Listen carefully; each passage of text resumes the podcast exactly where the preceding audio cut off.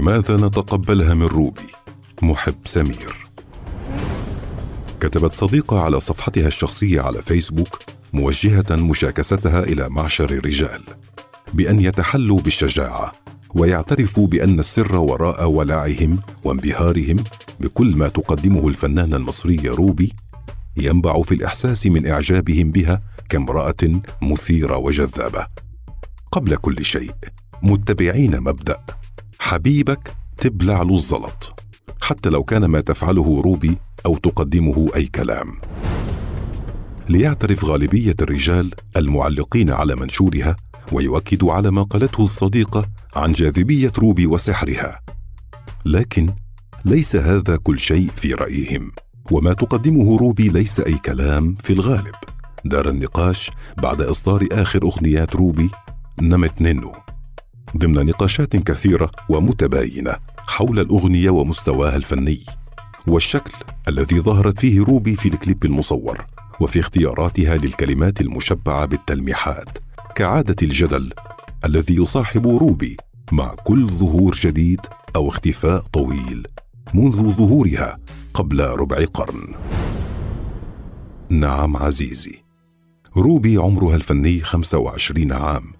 ما يفسر جانبا من نظرية بلع الزلط لها من قبل جمهور بعينه يمثل قطاعا كبيرا من الشعب المصري. يمكن أن نطلق عليه جيل روبي وهذه ليست سبة فأنا من هذا الجيل وروبي ابنه جيلي وتمثله خير تمثيل على مستويات عدة.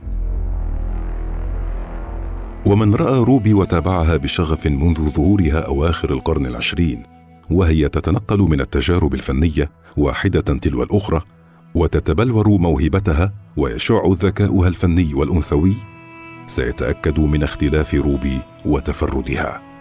روبي الأيقونة. لقد صارت روبي أيقونة في عيون هذا الجيل.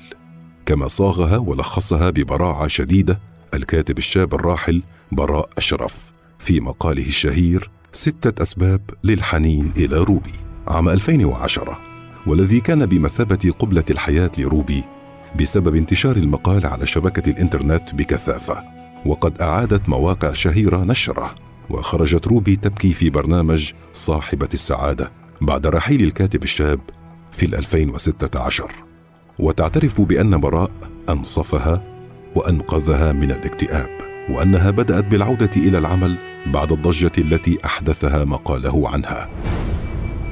لأنها محلية الصنع وبسبب ملامحها المصرية الخالصة وطيشها أحيانا فيما تقدمه أو تفعله واختفاءاتها وصمتها دوما أمام كل ما يقال عنها وعن ملابسها وأدوارها وروح الفنانة الهاوية التي تعيش بها روبي بالرغم من موهبتها الشاملة في الرقص والغناء والتمثيل واجتهادها لتكون فنانة هذه هي الأسباب التي ساقها البراء في مقاله.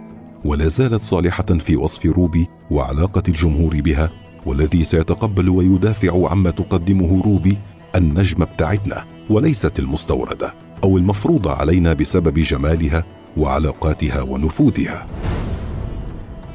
ويمكن إضافة تقبل النساء في مصر لنموذج روبي وحبهن لها ولا يرينها ست أوفر بالرغم من جرأتها لأنها تشبههن فعلا وملامحها لا يمكنك إلا أن تحبها وتنجذب إليها كلما رأيتها أمامك.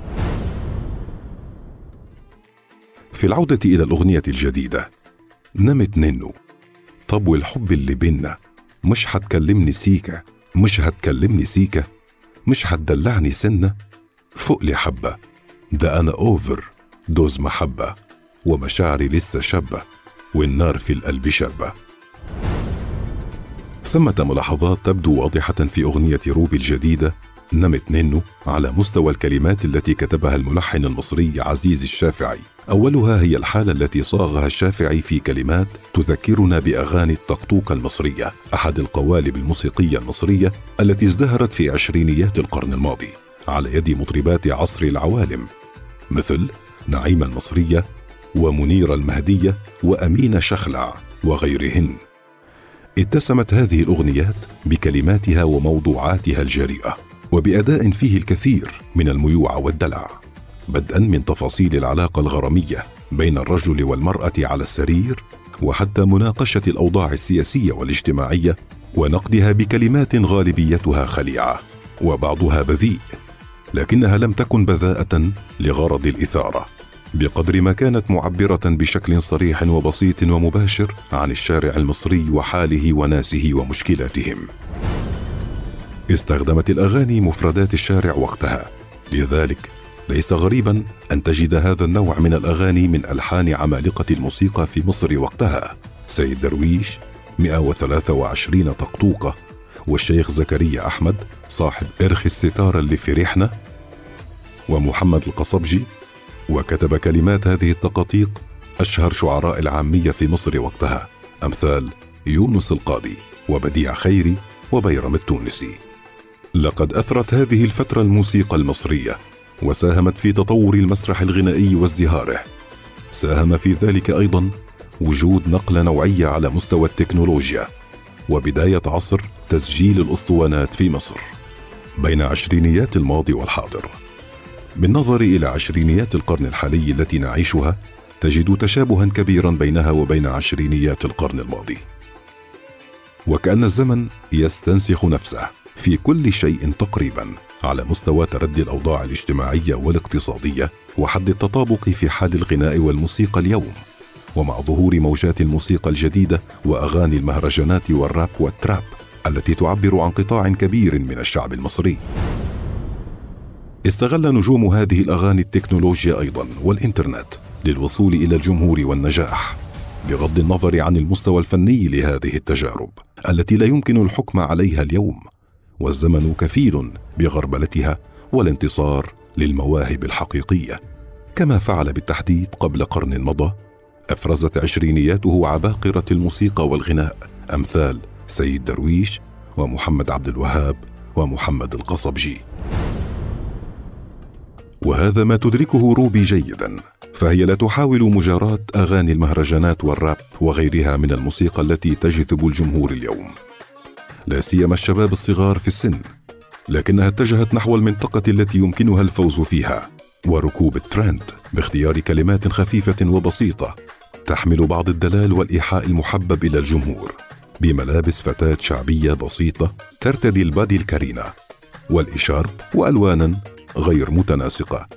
وتعمل في مصبغة لكنها تملك من الدلال والسحر. ما يجعل كل الألوان تبتهج باللعب معها وبين يديها. وهي تعاتب حبيبها بدلال بقولها نمت ننو طب والحب اللي بينا ينفع كده؟ وتختم بغمزة بريئة جدا كعادتها.